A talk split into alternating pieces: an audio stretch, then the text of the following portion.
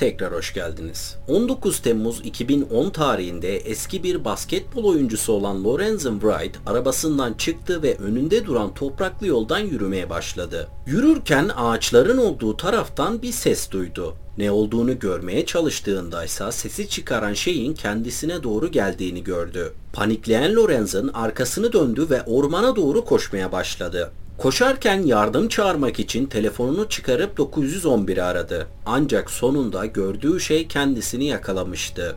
O gece o ormanda neler yaşandığını çözmek araştırmacıların yıllarını aldı. Fakat sonunda olay çözüldüğünde ve katilin kim olduğu öğrenildiğinde sadece Lorenzo'nun eski takım arkadaşları, ailesi ve arkadaşları değil aynı zamanda tüm şehir şoka girmişti. Bu ormanda yaşananların öncesinde ve sonrasında yaşananların hikayesi. Hazırsak hikayemize başlayalım.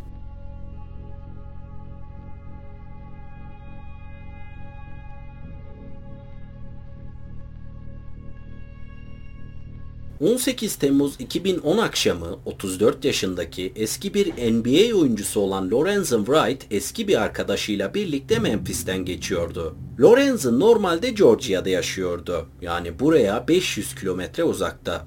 Ancak burada büyümüştü. Bu yüzden arkadaşları, ailesiyle buluşmak ve orada yaşayan 6 çocuğuyla birlikte çocuklarının annesi olan Shera ile vakit geçirmek için şehre dönmüştü. Ancak gidecekleri yere gitmeden önce uğramaları gereken bir yer vardı. Lorenz'ın yol üstündeki bir spor salonunun otoparkına arabayı park etti. Spor salonuna girdikten sonra içerideki basketbol sahalarından birine doğru yürümeye başladı. Burada bir grup genç çocuk bir basket maçı yapıyordu. Lorenz'ın sahaya yaklaştıkça topun potaya çarpması, çocukların birbirine bağırması ve sahada ayaklarının kaymasının sesini duyabiliyordu. Bu sesleri çok seviyordu.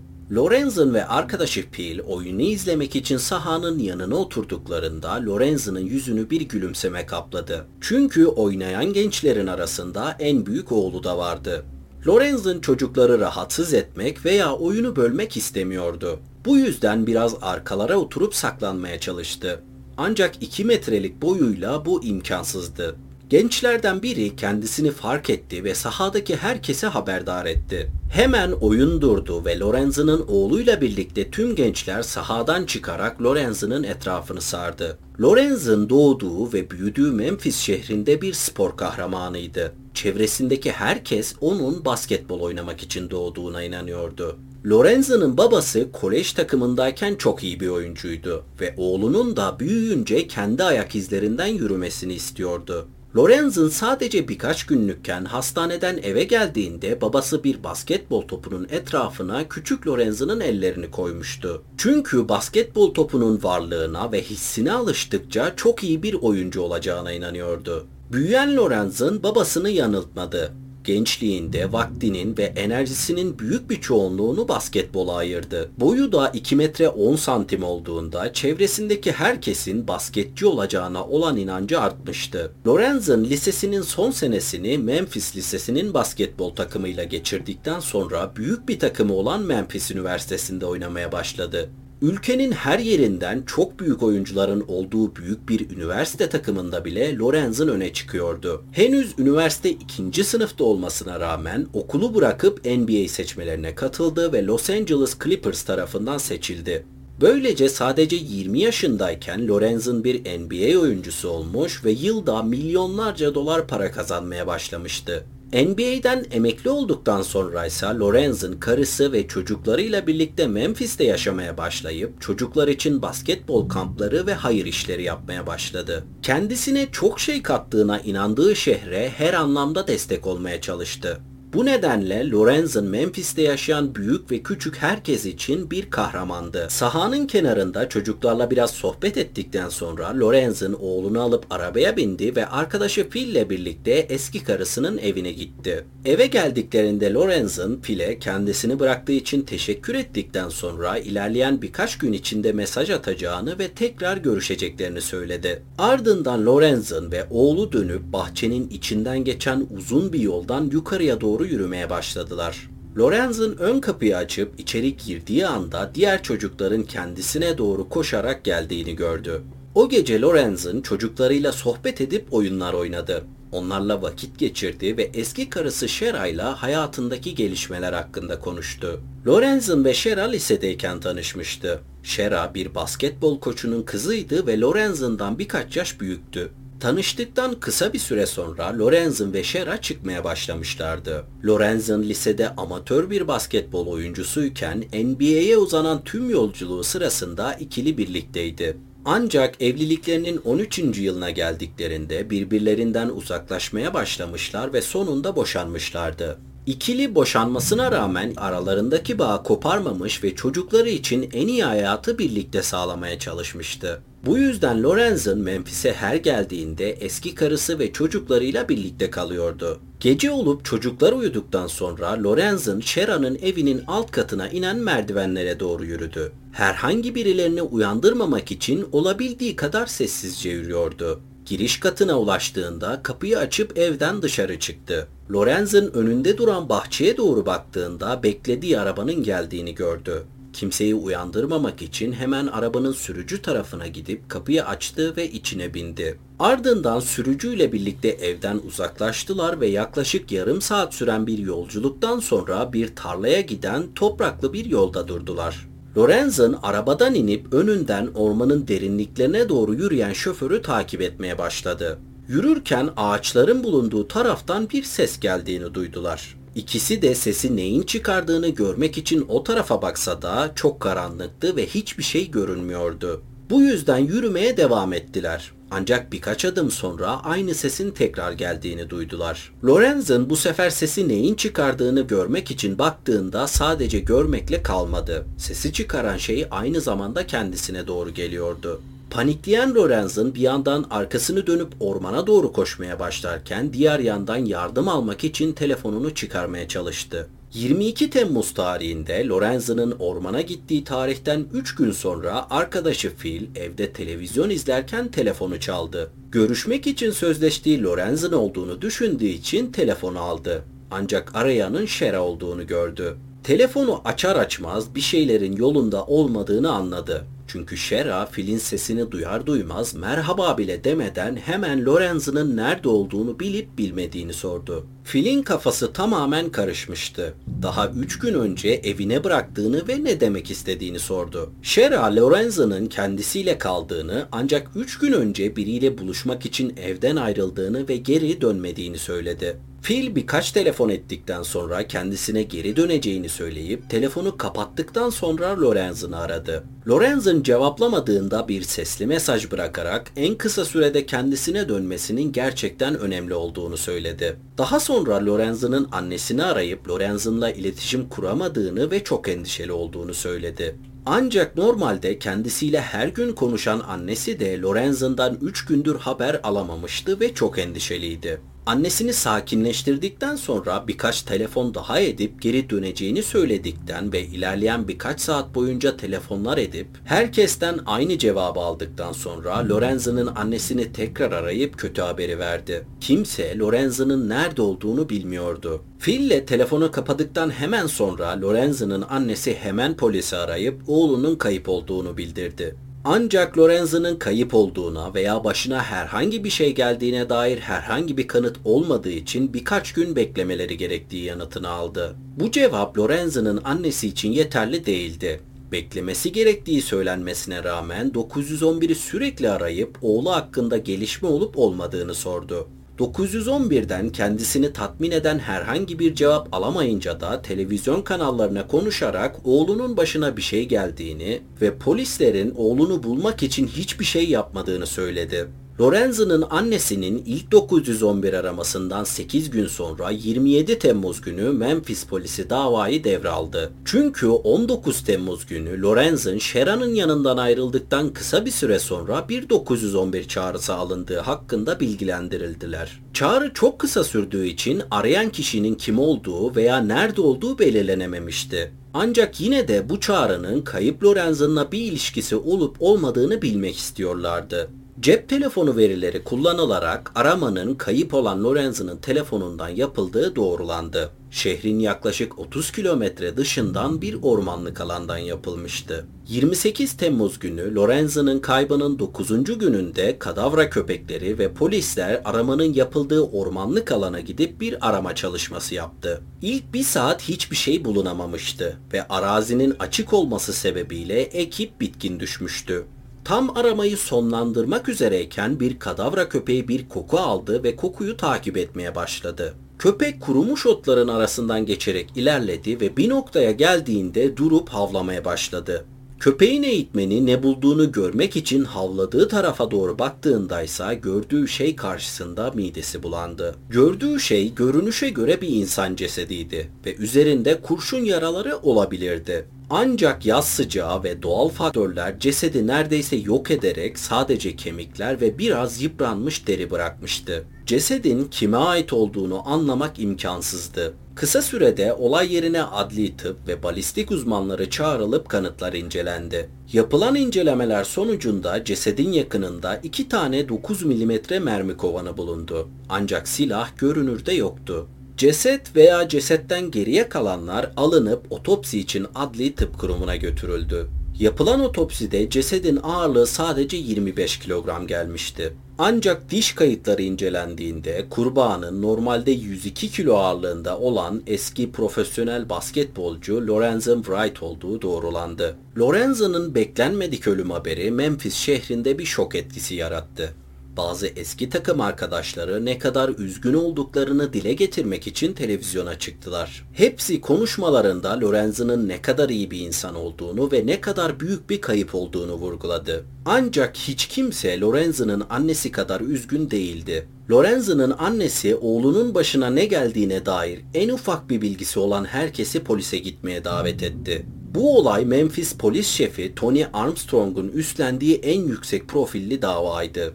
Tony soruşturmayı doğru bir şekilde yönetmek istediği için doğrudan soruşturmaya katılmaya karar verdi.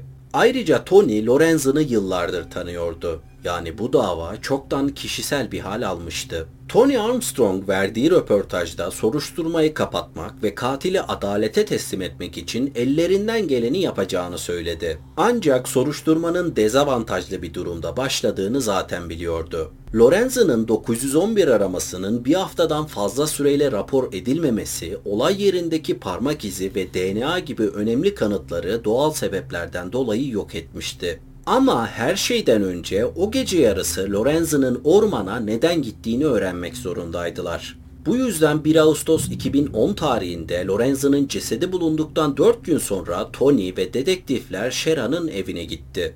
Dedektifler evde detaylı bir arama yaparken Tony Shera'ya bildiği her şeyi anlatması gerektiğini söyledi. Shera bu cümle karşısında bir anlığına duraksadıktan sonra anlatacağı şeyleri çocuklarının duymaması gerektiğini söyledi ve gizlilik talep etti. Tony, Shera ve birkaç dedektif ayrı bir odaya geçtikten ve yerleştikten sonra Shera konuşmaya başladı. Shera 18 Temmuz akşamı gece yarısından biraz önce Lorenzo'nun bir telefon görüşmesi yaptığını ve bu görüşme sırasında çok heyecanlı olduğunu, telefonun diğer ucundaki kişinin kim olduğunu bilmiyordu. Ama Lorenzo'nun hızlıca 110 bin dolar kazanmaları gerektiğini söylediğini duymuştu. Başlangıçta Shera bu konuşmaya anlam verememişti. Ancak telefon kapandıktan sonra Lorenzo'nun getirdiği çantalardan birinden para ve uyuşturucu çıkardığını görmüştü. Lorenz'ın çantalarından çıkardığı uyuşturucuları bir kutuya, parayı da ceplerine koyduktan sonra Shera ne yaptığını sormuştu. Lorenz'ın ise halletmesi gereken bir iş olduğunu söyleyip Shera'yı geçiştirdikten sonra evden ayrılmıştı. Lorenz'ın evden çıktıktan çok kısa bir süre sonra da Shera evden ayrılan bir arabanın sesini duymuştu. Tony ve dedektifler masada şaşkınlıkla oturuyorlardı. Çünkü Shera'nın anlattıkları hiçbir mantık çerçevesine sığmıyordu. Tony Lorenzo'nun basketbol kariyeri boyunca yaklaşık 55 milyon dolar kazandığını ve farklı şehirlerde birden fazla gayrimenkulü olduğunu biliyordu. Bir adam bu türde bir servete sahipken neden uyuşturucu ticaretiyle ilgilenecekti? Tony Shera'ya anlattıkları hakkında emin olup olmadığını sordu. Shera da başını sallayıp emin olduğunu söyledi. Sonra Shera bir fısıltıyla kendisini kötü hissettiğini ve şimdi söyleyeceği şeyin Lorenza'nın imajını mahvetmemesini umduğunu söyledi. Tony eğer önemli bir bilgi varsa ne olursa olsun duymaları gerektiğini söyledi. Shera Tony'ye bakarak Lorenzo'nun NBA'de oynadığı dönemden kazandığı neredeyse tüm parayı bitirdiğini söyledi. Lorenzo'nun iyi bir insan olduğunu ve yardım isteyen insanlara asla hayır diyemediğini, bu yüzden birçok arkadaşına ve akrabasına yardım ettiğini, ancak bu yüzden de harcamalarını kontrol etmekte çok zorlandığını söyledi. Ayrıca en az bir evinin ipotek edildiğini ve kredilerini de ödemekte zorlandığını söyledi. Eski karısı Shera'ya göre Lorenz'in bu yüzden uyuşturucu ticareti yapmaya başlamış olabilirdi. Tony Shera'ya verdiği bilgiler için teşekkür ettikten sonra ekibini toplayıp karakola döndü. Karakola döndüklerinde Tony Shera'nın evini arayan dedektiflerden önemli bir kanıt bulunamadığı bilgisini aldı. Ardından odasına çekildi. Hala Shera'nın anlattıklarının etkisinden çıkamamıştı. Shera'nın anlattığı Lorenzo kendi tanıdığı Lorenzo'yla hiç ama hiç uyuşmuyordu. Kişisel duygularını bir kenara bırakarak Lorenzo'nun bilinen uyuşturucu satıcılarıyla bir bağlantısı olup olmadığını araştırmaya başladı. Bu araştırma sırasında Tony'nin öğrendiği şey Lorenzo'nun adının bölgedeki büyük uyuşturucu kaçakçılarıyla birlikte bir FBI soruşturmasında geçtiğiydi. Lorenzo bu soruşturmada herhangi bir suçla suçlanmamış veya herhangi bir ceza almamıştı. Ancak bu soruşturma Lorenzo'nun bölgedeki en büyük uyuşturucu satıcılarından biriyle bağlantısı olabileceği ihtimalini gösteriyordu. Şimdi Shera'nın evdeyken anlattığı ve kendisinin inanmakta zorluk çektiği şeyler o kadar uzak bir ihtimal gibi gelmemeye başlamıştı. Ayrıca yine bu araştırmaları sırasında Tony, Sharon'ın da dediği gibi Lorenzo'nun bir evinin ipotek edildiğini ve ödemelerde sorun yaşadığını da öğrenmişti. Lorenzo'nun ormanda öldürülmesi ters giden bir uyuşturucu ticareti gibi gözükmeye başladığı için araştırma ekibi FBI soruşturmasında adı geçen uyuşturucu satıcısını araştırmaya başladı. 4 Ağustos 2010'da Lorenzo'nun cesedi bulunduktan bir hafta sonra Tony ve ekibi Lorenzo'nu Memphis'teki büyük çaplı bir uyuşturucu operasyonuna bağlayabilecek ipuçlarını takip etmeye devam ediyorlardı. Polisler çalışırken Lorenzo'nun hayranları, takım arkadaşları, arkadaşları ve ailesi Lorenzo'nun bir zamanlar basketbol oynadığı sahada Lorenzo'nun anma törenine katıldılar. Lorenzo'nun kardeşi konuşmayı bitirdikten sonra Memphis Belediye Başkanı mikrofonun başına geçti ve Lorenzo'nun ailesiyle birlikte o an orada bulunan herkese Yetkililerin Lorenz'ını öldüren kişiyi bulacaklarını ve o kişiyi adalet karşısına çıkaracakları sözünü verdi. Anma töreninin ardından Tony ve soruşturma ekibine yapılan baskı iki katına çıkmıştı. Çünkü Lorenzo'nun cinayeti artık ulusal haberlerde yer alıyordu ve yerel haberler sürekli olarak Lorenzo'nun hakkında haberler yapıp soruşturmayla ilgili güncellemeler istiyordu. Ayrıca belediye başkanı da katilin yakında adalet karşısına çıkarılacağı sözünü vermişti. Ancak tüm bu ek baskı Memphis polisinin vakayı çözme noktasına yaklaşmasına neden olamadı. Tony'nin ekibi sadece ellerindeki ipuçlarını takip edebiliyorlardı. Lorenzo'nun bağlantısı olduğu düşünülen uyuşturucu satıcısının Lorenzo'nun öldürüldüğü tarihte hapiste olduğu öğrenildi. Lorenzo'nun diğer bilinen uyuşturucu satıcılarıyla bağlantısı olduğunu gösteren herhangi bir kanıt da bulunamadı. Bu durumda polislerin Lorenzo'nun katilinin ortaya çıkmasını umduğu uyuşturucu işi teorisini boşa çıkarıyordu. Tekrar en başa dönülen soruşturmada Tony ekibine olay yerine gitmelerini ve gözden kaçırdıkları herhangi bir şey olup olmadığını kontrol etmelerini söyledi. Ancak yeniden yapılan detaylı aramada da hiçbir şey bulunamadı. Şimdi ellerinde sadece ceset bulunduğunda yakınlarında bulunan iki adet mermi kovanı vardı. Lorenzo'nun çevresindeki herkesle tekrar görüşüldü. Ancak bu görüşmelerde hiçbir yeni bilgi sağlamadı. Memphis politikacıları, Lorenzo'nun arkadaşları ve ailesi tarafından yapılan tüm baskılara rağmen dosya soğumaya başladı. 2012 yazında Lorenzo'nun cesedi bulunduktan 2 yıl sonra Lorenzo'nun annesi bir kampanya başlatmaya karar verdi. Zaman içinde Lorenzo'nun hikayesinin haberlerden kaybolduğunu ve cinayet soruşturmasının neredeyse tamamen durduğunu görmüştü. Bunu istemiyordu. Bu nedenle yerel ve ulusal basına başvurup kendisini dinlemeyi kabul eden büyük, küçük her medya kuruluşuyla konuştu. Yaptığı her röportajda Lorenzo'nun unutulmasına izin vermeyeceğini ve polisin görevini yapması gerektiğini söyledi. Ancak bunların da hiçbir faydası olmadı. Yeni bir kanıt olmadığı için polisin takip edebileceği hiçbir şey yoktu. 2015 yılının Ocak ayında Lorenzo'nun cinayetinden 5 yıl sonra bile Lorenzo'nun annesi medya kampanyasına devam ediyordu. Artık oğlunun katilini arayan tek kişinin kendisi olduğunu düşünmeye başlamıştı. Ancak soğuk bir kış günü Tony odasında otururken bir dedektif odasına girdi. Odaya giren dedektifin yüzünde çok heyecanlı bir ifade vardı ve hemen konuşmaya başladı. Konuşmaya başlayan dedektif yeni yayınlanmış bir roman olduğunu ancak bu romanın kurgu olmasına rağmen Lorenzo'nun hayatı ve cinayetiyle ilgili olabileceğini düşündüğünü söyledi. Tony bir süre sessizce koltuğunda oturup içeri giren dedektifin yüzüne baktı. Bunun çok kötü bir şaka olduğunu ve hiç komik olmadığını düşünüyordu. Ancak dedektif çok ciddiydi. İlerleyen birkaç gün boyunca Tony ve soruşturma ekibi üyeleri oturup romandan farklı farklı bölümleri okumaya başladı. Kitapta okudukları herhangi bir şey somut bir delil sağlamasa da sadece bir şüpheliye olan ilgiyi fazlasıyla arttırmaya yetmişti. Artan bu ilgiyle birlikte yeniden canlanan soruşturmada polisleri Lorenzo'nun katiline götürmüştü. 7 yıl boyunca bulunan kanıtlar, cep telefonu verileri ve soruşturma sırasında öğrenilenlere göre 19 Temmuz 2010 gecesi ormanda yaşananlar şu şekilde. 19 Temmuz 2010 tarihinde katil Lorenzo'nun geleceğini bildiği ormanda bir ağacın arkasında duruyordu. Bu yüzden ellerini siyah pantolonunun kenarına silerek kuruttuktan sonra belindeki tabancayı çekip sıkıca kavradı. Farlarla aydınlatılan karanlıkta bir arabanın kendisine doğru yaklaştığını gördü. Araba kendisinden yaklaşık 20 metre kadar uzakta durmuştu. Katil ilk olarak sürücünün araçtan dışarı çıktığını gördü.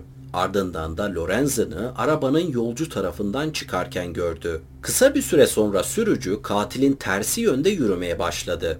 Katil de orman tarafından ağaçların arkasına saklanarak onları takip etmeye başladı. Sonunda yeteri kadar yaklaştığında sakladığı yerden dışarı çıkıp silahını Lorenzen'a doğrulttu. Ancak katil ateş etme konusunda tereddüt ettiğinde Lorenzen hemen bir yandan telefonunu cebinden çıkarmaya çalışırken diğer yandan ormana doğru koşmaya başladı.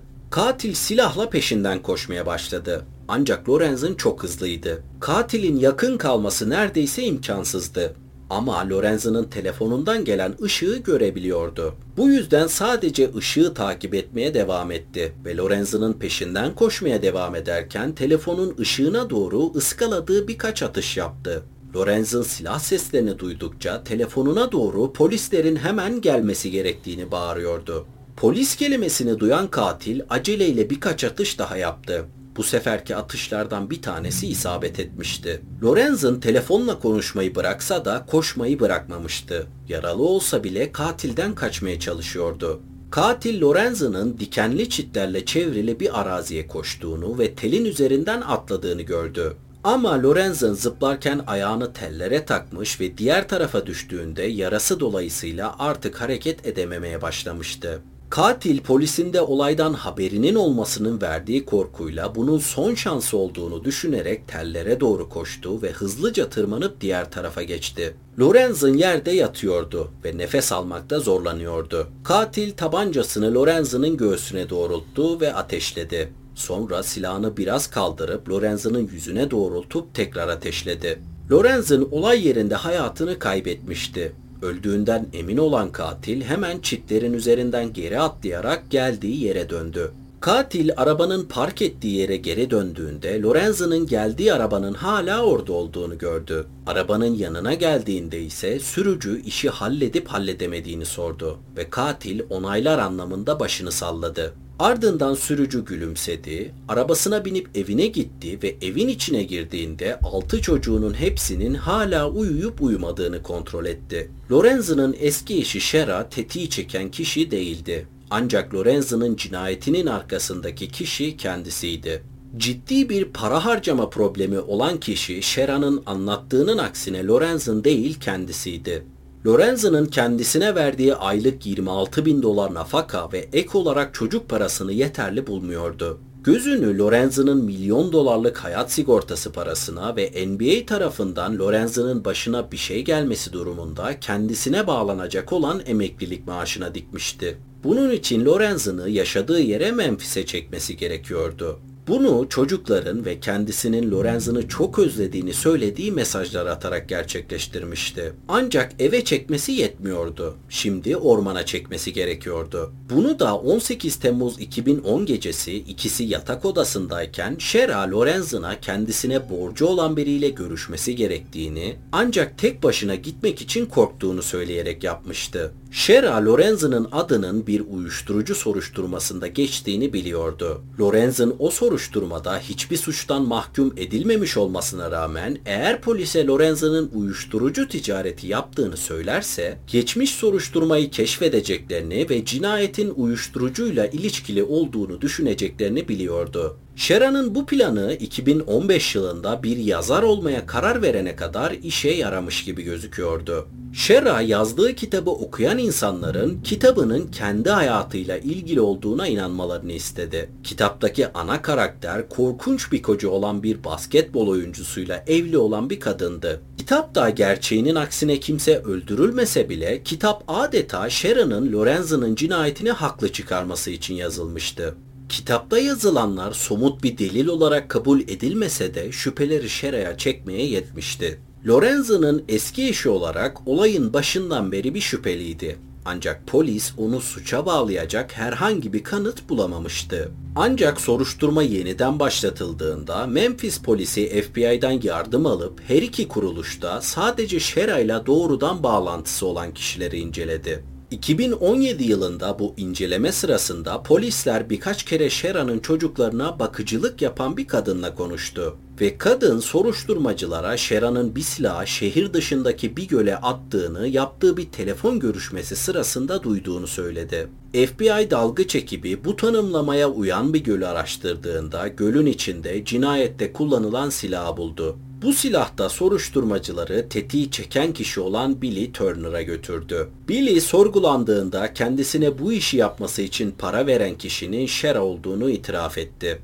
Billy 21 Mart 2022 tarihinde cinayet suçlamasıyla çıkarıldığı mahkemede ömür boyu hapis cezasına ek olarak 41 yıl hapis cezasına çarptırıldı. Shera bir anlaşma imzaladı ve anlaşmanın bir parçası olarak birinci derece cinayetin kolaylaştırılması suçundan suçlu bulundu ve 30 yıl hapis cezasına çarptırıldı.